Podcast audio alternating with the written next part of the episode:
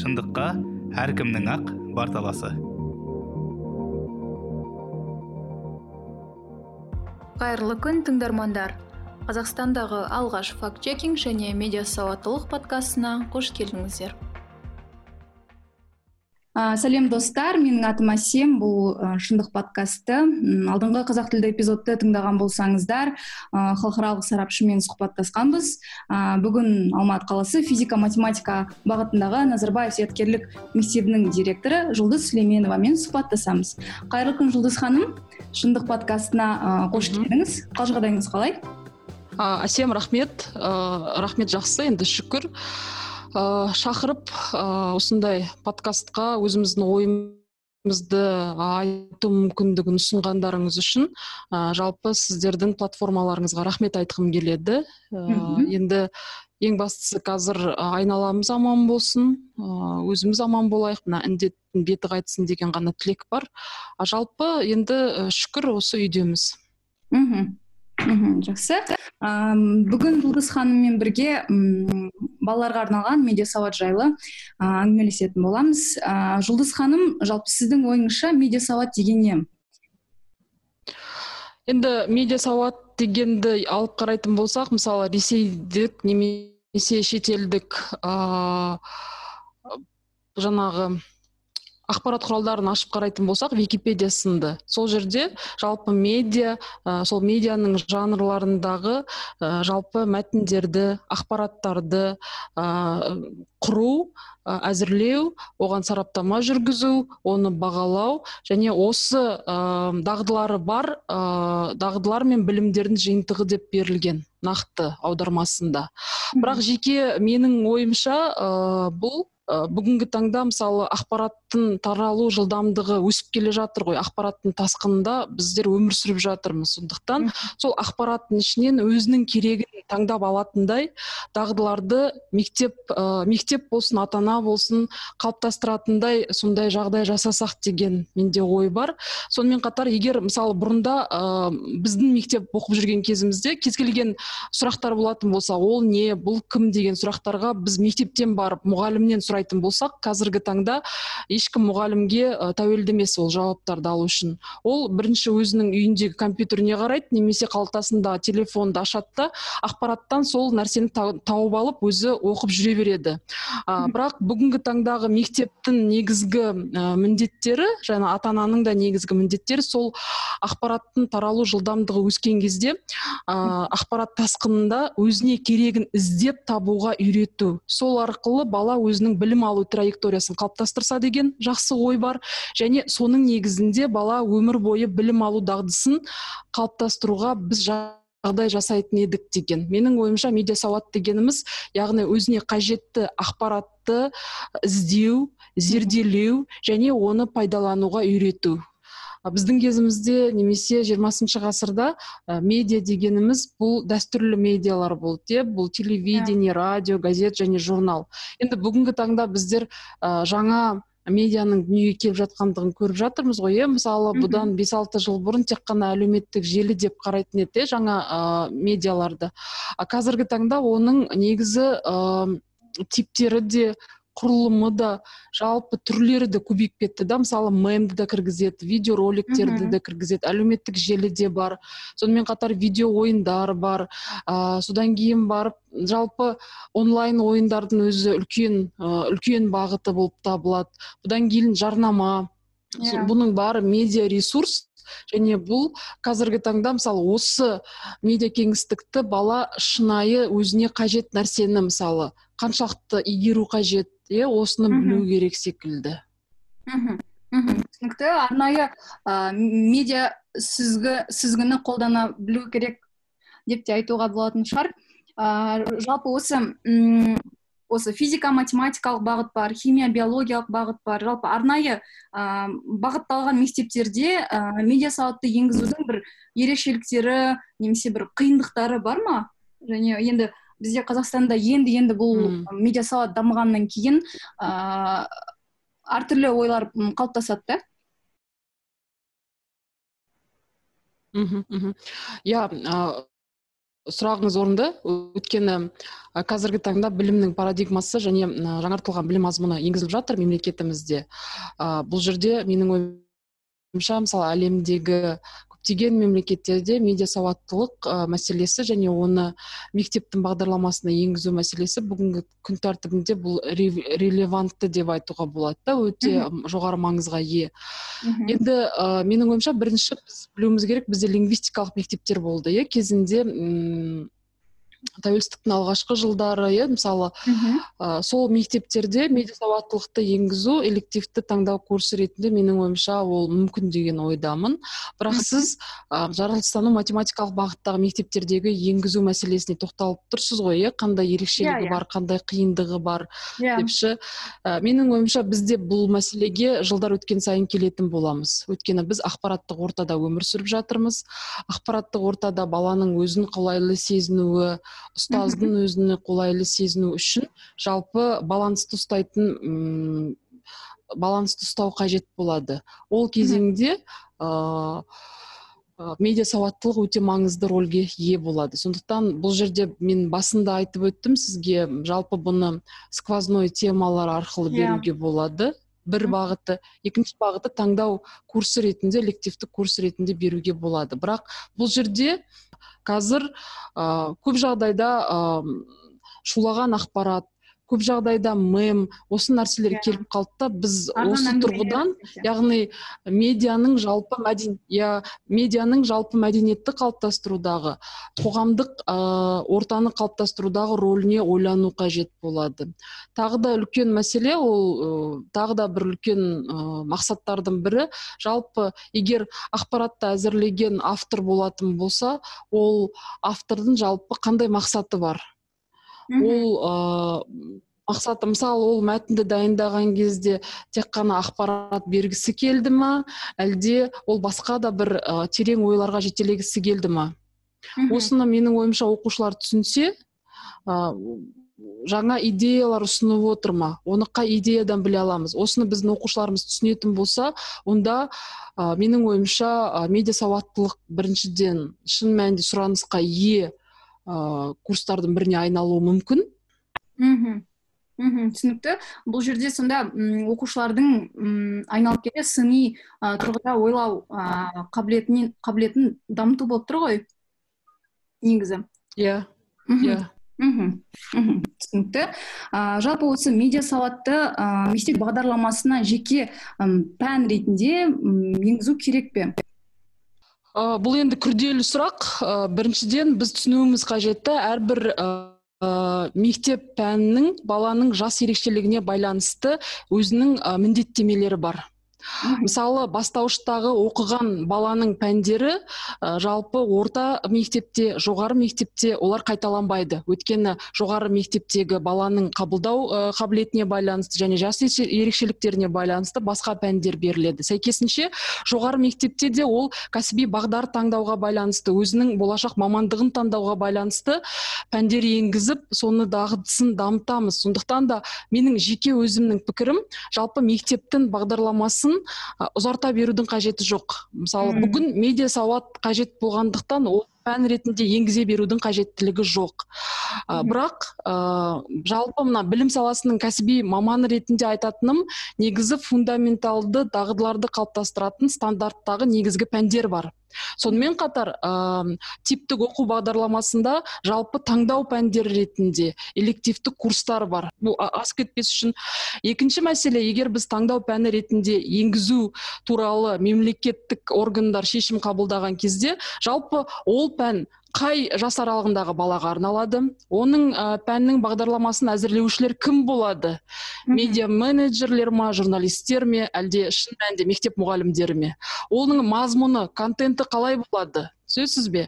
Yeah. оның кітабын жазған кезде қандай мәселелерді қарастыруымыз қажет? Жалпы пәннің мақсаты мен міндеті не болады? Сонымен қатар күтілетін нәтиже қандай болады? Аптасына қанша сағатты яғни жылдық оқу жүктемедегі сағаты қандай болады? Қай тақырыптарды қамтиды? Міне бұл үлкен сұрақ. Бұл сұраққа шын мәнінде ата аналар қауымдастығы қоғам қауымдастығы ә, сонымен қатар ә, мектеп қауымдастығы ол ойлануға болады. Мхм. Мхм. Түсінікті. Ыыы негізі иә өте орынды жауап. Біз қазіргі таңда қатты нетіп отырмыз ғой балаларға деген. Көптеген ақпарат қазір беріліп отыр ғой. Ыыы солай да шығар. Жалпы жұлдыз ханым осы назарбаев мен енді бұл нәрсеге ұзақ ойландым. Мхм бұл мәселеге ұзақ ойландым өйткені бұл мәселе бүгін ғана туындаған жоқ иә мысалы біз yeah.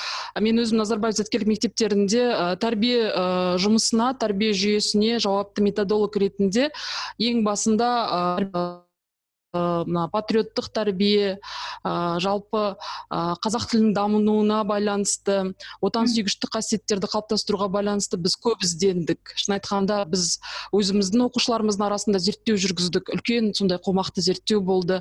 Қала берді біз ә, шын айтқанда жапония оңтүстік корея мемлекеттері секілді өздерінің ә, моно ұлт ретінде ұлттық тәрбиесін сақтап қалған білім саласындағы мемлекеттерінде тәжірибелерін зерттедік. Қала берді финляндия секілді мемлекеттердің тәжірибесін зерделеп қарадық. Аталған мемлекеттерде ақпараттық қауіпсіздік деген мәселе шын мәнінде үлкен күн тәртібіндегі басымдықты мәселе екендігіне біз көзімізді жеткіздік. Ақпараттық қауіпсіздік олар пән емес олар барлық пәндердің ішінде мейлі ол математика болсын мейлі физика мейлі биология мейлі лингвистикалық пәндер қоғамдық ә, әлеуметтік пәндердің қатарында ә, орысша айтқанда сквозной темалар деген бар. Иә бір бірімен ә, қатпарласып жататын қайталанатын тақырыптар бар. Сол тақырыптарда бұл кәдімгі ә, үлкен басымдыққа ие тақырып екендігін көрдік. Ақпараттық қауіпсіздік. Сол ақпараттық қауіпсіздіктің аясында біз айтып отырған медиа сауаттылық мәселесі де жалпы бүгінгі таңда біз үшін мына дистанционды білім беру бағытында өте актуалды болып табылатын әлеуметтік желілердегі кибербуллинг мәселесі де орын алғандығын көрдік. Сондықтан бұл туралы бізде енді тәжірибе бар екен өткім келді. Мхм мхм мхм түсінікті. Ә, жалпы жұлдыз ханым осы м назарбаев зияткерлік мектеп осы мектептің оқушылары м қаншалықты медиа сауатты енді қаншалықты медиа сауатты деп сізге нақты жауабыңыз сұрағыңызға жауап беретін болсақ ондай бізде зерттеулер жүргізілген жоқ. Біз ә, мысалы ә, көптеген зерттеулер жүргізіледі иә олар кәдімгідей ә, сұрақтар таңдайды сосын бар фокус группа жасайды соның негізінде оның жауаптарын зерделейді соның негізінде қорытынды шығарып мысалы осындай осындай деп айтады. Мен енді бір оймен ә, айта алмаймын қаншалықты деңгейде олардың сауатты екендігін. Бірақ ә, біздің мектеп 2015 және 2018 жылы пиза тестін ә, тапсырды оқушыларымыз. Ә, пиза тесті өзіңіз білесіз әлемде оср мемлекеттерінің аясында жалпы функционалды сауаттылықты дамытуға арналған ә, әлемдік тесттердің бірі білім саласында. Ол үш ә, жалпы үш көлемді тестті қамтиды. Біріншісі математикалық сауаттылық екіншісі оқу сауаттылығы үшінші жаратылыстану ғылыми сауаттылығы деген үш компонентті қамтиды. Мен осы жерде енді медиа сауаттылыққа ә, бір бағыты бойынша келетін әрине бұл оқу сауаттылығы иә? Ә, сондықтан мен сол оқу сауаттылығындағы біздің оқушыларымыздың көрсеткен ә, нәтижесіне тоқталып өткім келеді. Біздің оқушыларымыз 2015 және 2018 жылы тапсырған пиза тестінде өте жоғары деңгейді көрсетті. Олар ә, мемлекетіміздегі алдыңғы қатарлы үздік нәтижені көрсетті. Және сингапур мемлекетімен салыстыратын болсақ та сол балалармен қатар екендігін көрсетті. Қалай ойлайсыз біздің осы еліміздегі мұғалімдер ә, медиа сауатты ма? Енді бұл да күрделі сұрақ та бұл бағанағы сұрақтың әрменгі қарай ыыы жалғасы сияқты да біз сол медиа сауаттылығының қаншалықты деңгейде қандай екендігін біз зерттеу жүргізмейінше былай айта алмаймыз. Мхм. Сауатсыз деп те айта алмаймыз. Не себепті? Өйткені ыыы әлеуметтік желілерде мұғалімдеріміз белсенді. Әлеуметтік желілерде ыыы қолдану құралы иә сондай нәрселер бар. Медиа ақпарат тұрғысынан мысалы ақпаратты саралап оқудан да менің ойымша біздің мұғалімдеріміз ыыы күн емес. Біз қашанда осындай сұрақтарға жауап берген кезде абайлауымыз қажет. Біз нақты жауап беру үшін мемлекетімізде қандай да бір зерттеу құралдары болу керек. А ондай болмайынша осындай осындай деңгейде айту шын мәнінде қиын. Ә, жалпы бағана ә, қозғап кеттіңіз. М кибербуллинг ә, қазіргі таңда м әлеуметтік желіде осы ә, тролль ә, секілді дүниелер көбейіп кетті. М жалпы оқушылар ә, осыдан қаншалықты сақтанған және м осындай нәрселердің құрбаны болмас үшін ә, не істеу керек? Ә, бұл жерде енді түсіндіру керек. Мысалы бастапқыда менің білетінім бұл тақырыптарға онша қатты жолағысы келмейтін. Мхм көптеген қауым иә ол тек қана Иә. мұғалімдер емес ол тек қана мектепті отбасылық жағдайда енді бұрынғы мысалы біздің бала кезімізде бұл мәселе мүлдем күн тәртібінде болған жоқ қой Иә. әлеуметтік желі деген мәселе болған жоқ. Біз кәдімгі мектепке барып мектептен келіп сабағымызды оқып иә бар болғаны телевизордан телесериалдар көруіміз мүмкін. Көп жағдайымызды кітап оқумен айналысатынбыз иә. Сол өзіміздің жалпы ә, бос уақытымызды өткізу мәселесі жалпы тиімді өткізу мәселесі ол мектеппен тығыз байланысты болатын. Және ол кезеңнің жалпы ә, мектептің форматы да тәрбие форматы да мүлдем басқаша болды. Қазіргі таңда 21 ғасырда көптеген парадигмалар өзгеруде. Ол білімге қатысты емес жалпы өмір сүру мәселесіне байланысты. Мен басында айттым ақпараттың лезде ә, дамып лезде таралуына байланысты. Ә, мен енді өзімнің тұрғыда ә, біздің мектепте не істедік? Мысалы біз ә, мына бірінші буллинг дейді ғой яғни Иә. қысым көрсету. Сонымен қатар әлеуметтік желілердегі кибербуллинг бойынша арнайы мамандарды шақырып әрбір сынып сынып бойынша бөлек кездесулер өткіздік. Ә, сосын ә, кейін ол енді біздің мектептің өзінің жоспары бар ә, бір жылға арналған. Ә, сондықтан ол жоспарда негізі ол ә, сәуір айының аяғы мамыр айының басына қойылғандықтан ол дистанционды жағдайында білім алатын кезеңмен сәйкес келді біз оны дистанционды форматта өткіздік.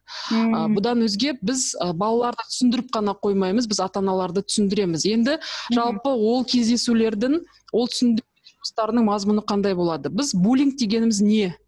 Кибербуллинг дегеніміз не яғни кибербуллинг дегеніміз бұл онлайн травля дейді ғой орысша айтқанда Иә. онлайн қысым көрсету осы әлеуметтік желілер арқылы ә, онлайн ойындар арқылы сонымен қатар ә, тез арада лезде келетін смс ә, хабарламаларының ә, приложениялары дейді қосымшалары арқылы.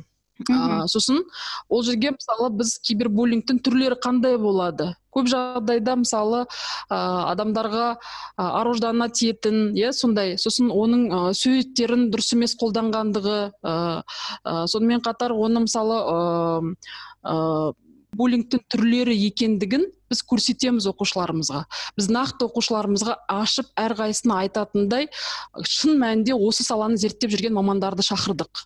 Біздің мектепке біз халида ажигулова деген маманды шақырдық. Ол кісі ұлыбританияда PhD докторантураны өзіміздің болашақ бағдарламасы арқылы білім алған. Сондықтан да біз ол кісінің бірнеше мәрте ә, жаңа онлайн ә, кездесулерін өткіздік. Ә, сосын нақты айтамыз. Бұл психологиялық қысым көрсетудің бір түрі. Және бұл адам құқығын ә, адам құқығын жаңағыдай нарушать ету дейді ғой орысша Иә, иә. айтқанда. Ыыы таптайтын ыыы таптайтын бір түрі деп нақты көрсетеміз. Өйткені бала білу керек бала білмей қалуы мүмкін иә? Біз Иә. сосын бұны жетінші класстан бастап он екінші класстың аясында көрсетеміз. Ең басында сол халидамен сөйлескен кезде үш жақты нәрсені талқыладық. Бірінші баланың әлеуметтік желідегі қандай ә, нәрселерден м, қашық болуы қажет? Қандай нәрседен ол ыыы қауіптеніп қандай нәрсенің алдын алуға болатындығын бердік. Бұдан сәйкесінше ата анаға да үйреттік. Жалпы балаңыздың әлеуметтік желіде кибербуллингті болдырмас үшін сіз не істеуіңіз қажет деген ыыы сондай сосын мектептің қызметкерлері. Енді біз тек қана ата анамен баламен емес бұл жерде әр мұғаліммен де осы жұмысты жасадық. Сол кезде мысалы біз оқушыларға нақты айтамыз. Өзіңнің жеке ақпараттарыңды әлеуметтік желілер арқылы сонымен қатар онлайн басқа да платформалар арқылы таратуға болмайды. Сонымен қатар сен әлеуметтік желідегі барлық өзіңе достық ұсынған адамдардың кім екендігін білуің қажет. Танымайтын адамдардан онлайн файлдарды қабылдамау қажет. Біз нақты айтамыз шектеу қоямыз. Танымайсың ба? Білмейсің бе? Досың болсын ол бот па? Одан кез келген файлды қабылдаудың қажеті жоқ. Мгм. одан кейін барып егер ақпарат келіп жатса ақпаратты ашпас бұрын сол адамды тексеруің қажет. Егер ол шын мәнінде кибербуллер екендігін түсінетін болсаң онда а, оның а, хабарламаларына жауап бермеулерің қажет. Бұдан кейін а, бізде тәрбие сағаттары өтеді. Негізі жа- басында айттым бізде жаңа кураторлар бар тәрбие сағатын ә, тәрбиемен айналысатын. Олардың куратор сағаты аптасына бір мәрте өзінің классымен кездесетін тәрбие сағаты бар куратор сағаты. Сол жерде мысалы қазан қараша айларында сонымен қатар сәуір айларында кәдімгі ақпараттық қауіпсіздік үлкен ә, тақырыпқа арналған бөлікке арналған үлкен жаңағы тақырыптар бар тәрбиеде. Сол жерде м, сабақтарды өткізеді. Кибербуллинг қалай одан қалай қорғану керек? Енді әр сыныптың ә, жас ерекшелігіне байланысты берілетін ә, мәтіндер берілетін тексттер олар әртүрлі. Мхм ә, сол енді ата аналарға да біз ә, енді бұл жерде біз ата аналарға кәдімгі арнайы осы тақырыпқа жиналыстар өткізіп шақырып ә, онлайн болсын офлайн болсын айтып өтеміз. Біріншісі ата ана өзінің баласымен сенімді қарым қатынаста болуы қажет. Иә. Екіншісі ә, шын айтқанда ата ана өзінің баласының жалпы интернетте қай сайтта отырғандығын қадағалайтындай бағдарламаларды енгізу қажет. Қазіргі таңда ә, ата ана өзі қадағалай алады шектеу де қоя алады. Сондықтан осының бәрін біз түсіндіріп алдынан өтеміз. Сонымен қатар енді ә, кейбір жағдайда мысалы бір ғана мәселе егер сіз сіздің балаңыз интернетте отыратын болса сіз енді біле алмайсыз иә шектеу қоя алмадыңыз. Бірақ Иә. арасында тек қана балаңыздың бөлмесіне кіріп қалған жағдайда бала тез компьютерді өшіретін болса онда ата ана ойлануы қажет. Мхм яғни бала ата анадан ә, тығылып ә, қандай да бір нәрсе айналысып отыр түсінесіз бе? Иә, біз иә. бала 18-ге толған кезде жасқа толады ғой. 18-ге дейін баланың заңды жалпы барлық ыыы жаңағыдай мүдделерін қорғайтын мүдделерін таныстыратын ол ата анасы және заңды өкілі сондықтан ол білу міндетті. Біз бұны да түсіндіріп айтамыз. Сіз ойламаңыз бұны мұғалім жасайды мектеп біледі деп ше сонымен қатар біз оларға айтамыз нақты уақытын белгілеңіздер нақты сайттарын белгілеңіздер. Ыыы сонымен қатар онлайн енді қазір онлайн ойындар көбейіп кетті иә? Сол онлайн ойындарды да баламен біліп түсіндіріп біліңіз. Мысалы қандай ойынға қатысады? Ә, сосын егер әлеуметтік желілердегі бір ә, соцопростарға қатысып жатса онда міндетті түрде біз үнемі және ата аналарына да оны ыыы ата ананың келісімінсіз жасамау қажет. Түсінесіз бе? Ыыы Иә. егер ата ананың келісімінсіз жасайтын сондай нәрселер болса онда ойлану қажет. Жауапкершілігіне сондықтан енді біздің тараптан осы. Мхм түсінікті.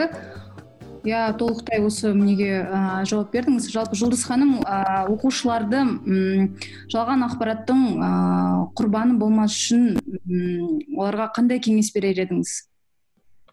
Ну жаңағы айтып өткен кеңестерім ғой көп жағдайда. А, біріншіден а, әлеуметтік желілерге жеке ақпараттарды қоймау жеке ақпараттарды жеке өзіңіздің суреттеріңізді а, отбасылық мүшелеріңіздің суреттерін а, сонымен бөліспеу. Ол ең басты нәрсе. Екінші өзіңіздің достарыңызды көру. Егер сіз инстаграмда а- ашқыңыз келді ме мейлінше жабық қылып ашу қажет болады. М, және өзіңізге келіп тіркелетін достарыңызды нақты біліңіз. Ол мектептегі достарыңыз болуы мүмкін. Ол сіздің аулаңыздағы өмір сүретін жаңағыдай қоғамдастықтағы достарыңыз болуы мүмкін. Немесе сіз бірге жаңағыдай басқа мектепке барған кезде немесе балабақшаға барған кезде достарыңыз болуы мүмкін ол ә, болады. Бірақ егер ә, дос ретінде тіркеліп бірақ оның артында үлкен адамдар да болуы мүмкін. Өйткені оны біз бас тартпаймыз. Ә, әлемдік деңгейдегі статистиканы қарайтын болсақ шын мәнінде осындай м, ә, топтардың бар екендігін білеміз иә. Сондықтан оның алдын алу үшін барлық достарды білу қажет.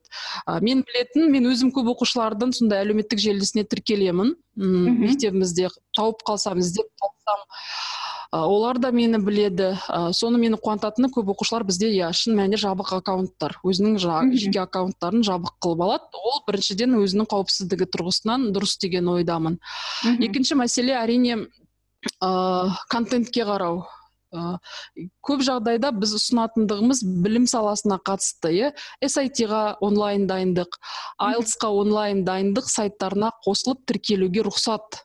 Мгм. бірақ 18-ден жоғары ә, балаларға арналған онлайн ойындар 18-ден жоғары адамдарға арналған ә, фильмдер 18-ден жоғарыға арналған да бір нәрселерге шектеу қою керек екендігін және оның ішіне кіріп егер сіздер кибербуллингке ұшыраған кезде қандай қауіп қатер төніп тұратындығын біз үнемі айтып отырамыз. Бұл мектеп тарапынан да айтылу қажет. Екіншіден ата аналар тарапынан да айтылу қажет. Қазіргі таңда мысалы қазір бәріміз үйдеміз иә былай қарағанда. Мектепке балалар төртінші тоқсанда келмеді. Сондықтан бұл жердегі жауапкершіліктің үлкен жүгі ата аналарға түсіп отыр. Ата аналар қазір дегенмен ден қойып балаларының қандай сайттарда отыр қандай әлеуметтік желіде кіммен не жазысып жатыр қандай фильмдер көріп жатыр қандай онлайн ойындарға ә, қатысып жатқандығын білуі қажет. Егер ата ана бұны қадағаламаса бұл үлкен ә, мәселе.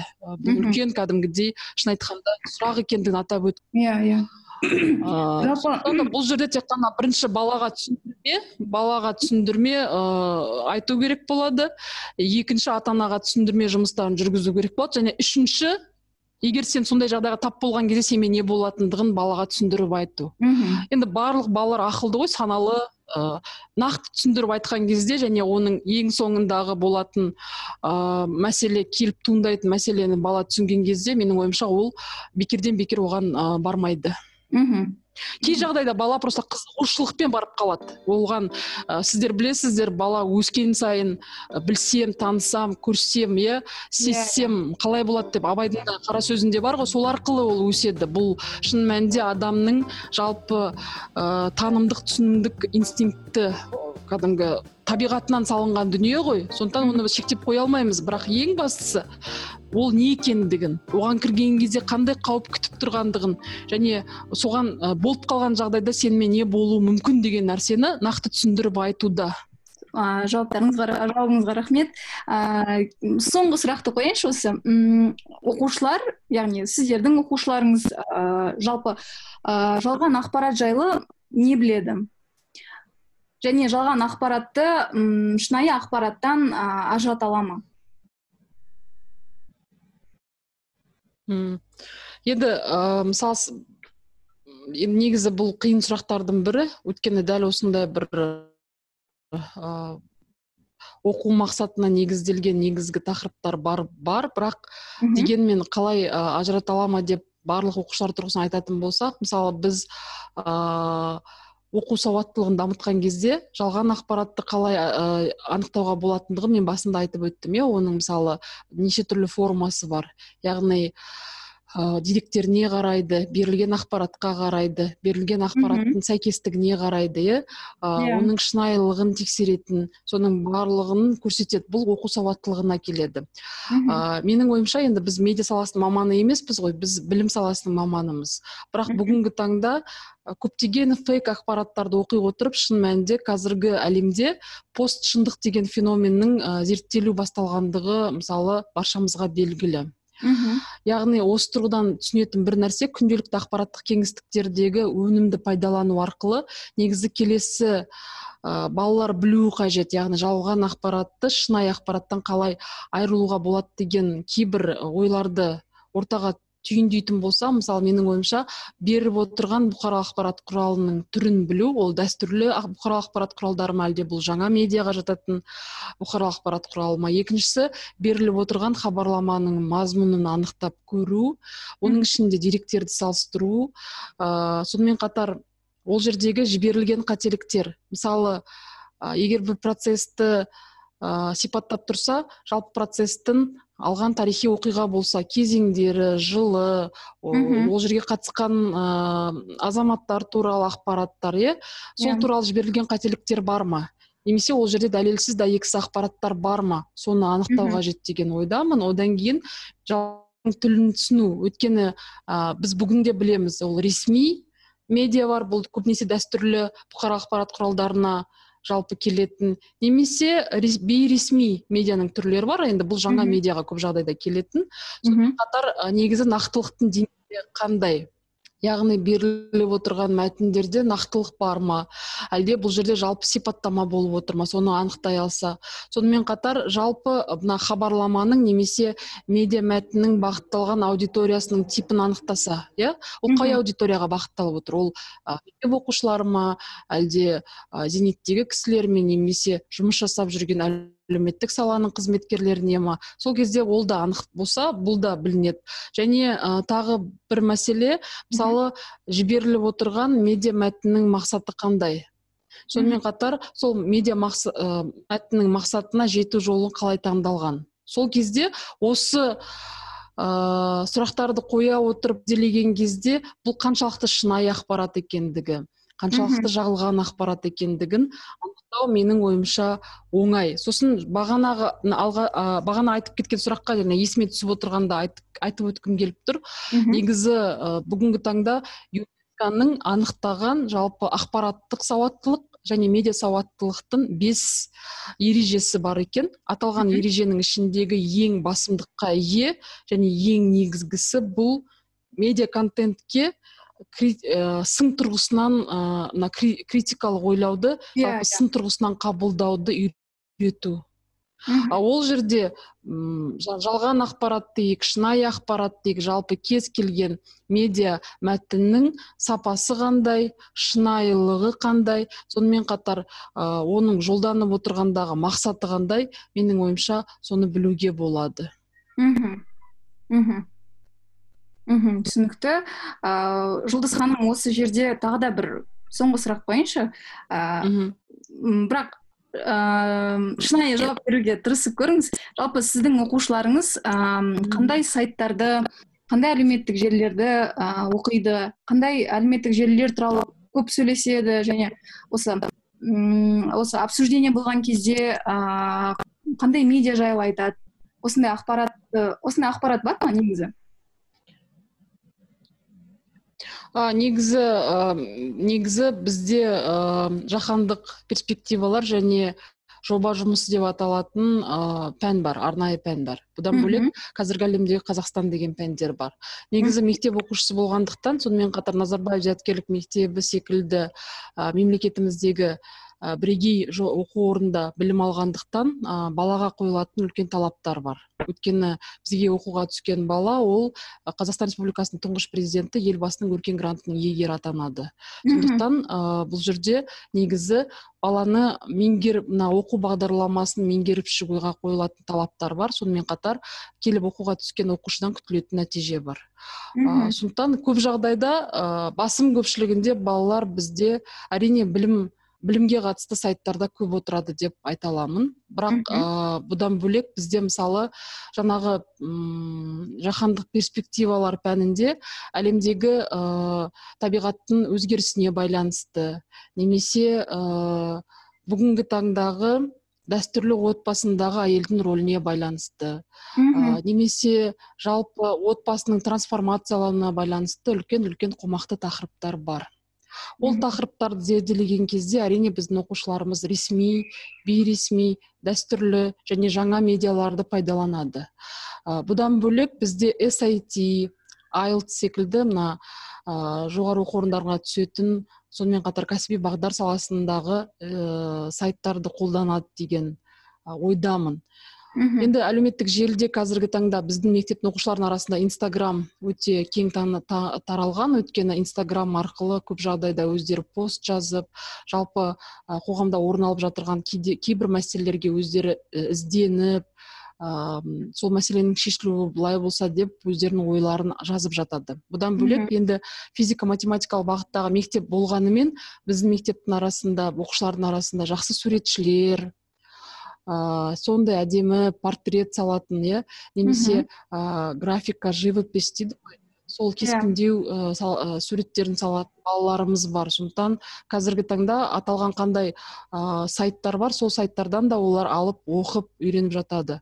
Бұдан бөлек бізде ә, гуманитарлық енді біздің өзіміздің халқымыз ә, әуел бастан біз өзіміз гуманитарийміз ғой негізі. Yeah иә иә сондықтан да халықтың рухани таным түсінігінен ә, біздің балалар да көп жағдайда гуманитар келіп өлең жазатын өздері әңгіме жазып жүрген өздері жаңағыдай әдеби шығармаларды жазып жүрген балалар өте көп yeah. Иә. бүгінгі таңда мысалы біз мектепте шығармалар жаздық қой біздің балалар эссе көп жазады сондықтан да әртүрлі ойларға қоғамдағы әртүрлі мәселелерге олар ізденеді және олардың барлығы мені қуантатындығы негізі ғылыми танымдық лингвистикалық қоғамдық әлеуметтік мәселелердің шешімін іздеуге бағытталып жатады. Мхм мхм. Мхм түсінікті. Ыыы жұлдыз ханым сізге көп көп рахмет негізі осы қазіргі таңда ә, актуалды ә, осындай мәселелердің барлығына жауап бердіңіз және де ә, бұл берілген ақпарат ә, барлығына оқушыларға ата аналарға мұғалімдерге барлық тыңдармандарымызға ә, пайдалы болды деп ә, ойлаймын. Ә, жалпы қазіргі таңда енді сіздердің жұмыстарыңыз ә, көбейіп кетті ғой онлайн болғаннан кейін. сондықтан сіздерге ә, табыс және де ә, сабыр тілеймін. Ә, денсаулықтарыңызды сақтап ә, өздеріңізді ұмытпауға тырысыңыздар. Себебі ә, қазіргі таңда мұғалімдерсіз шынымен де біз мұғалімдердің әм, маңыздылығын және олардың ә, қандай осы біздің елімізде үлесін қосып отқанына біз ә, соңғы бес айда көзіміз жетіп отыр. сондықтан сізге көп көп рахмет. Ә, біздің м подкастымызды ә, подкастымыздың қонағы болған үшін м қымбатты тыңдармандар ә, осымен біздің эпизод аяқталды. Ә, келесі эпизодта кездескенше.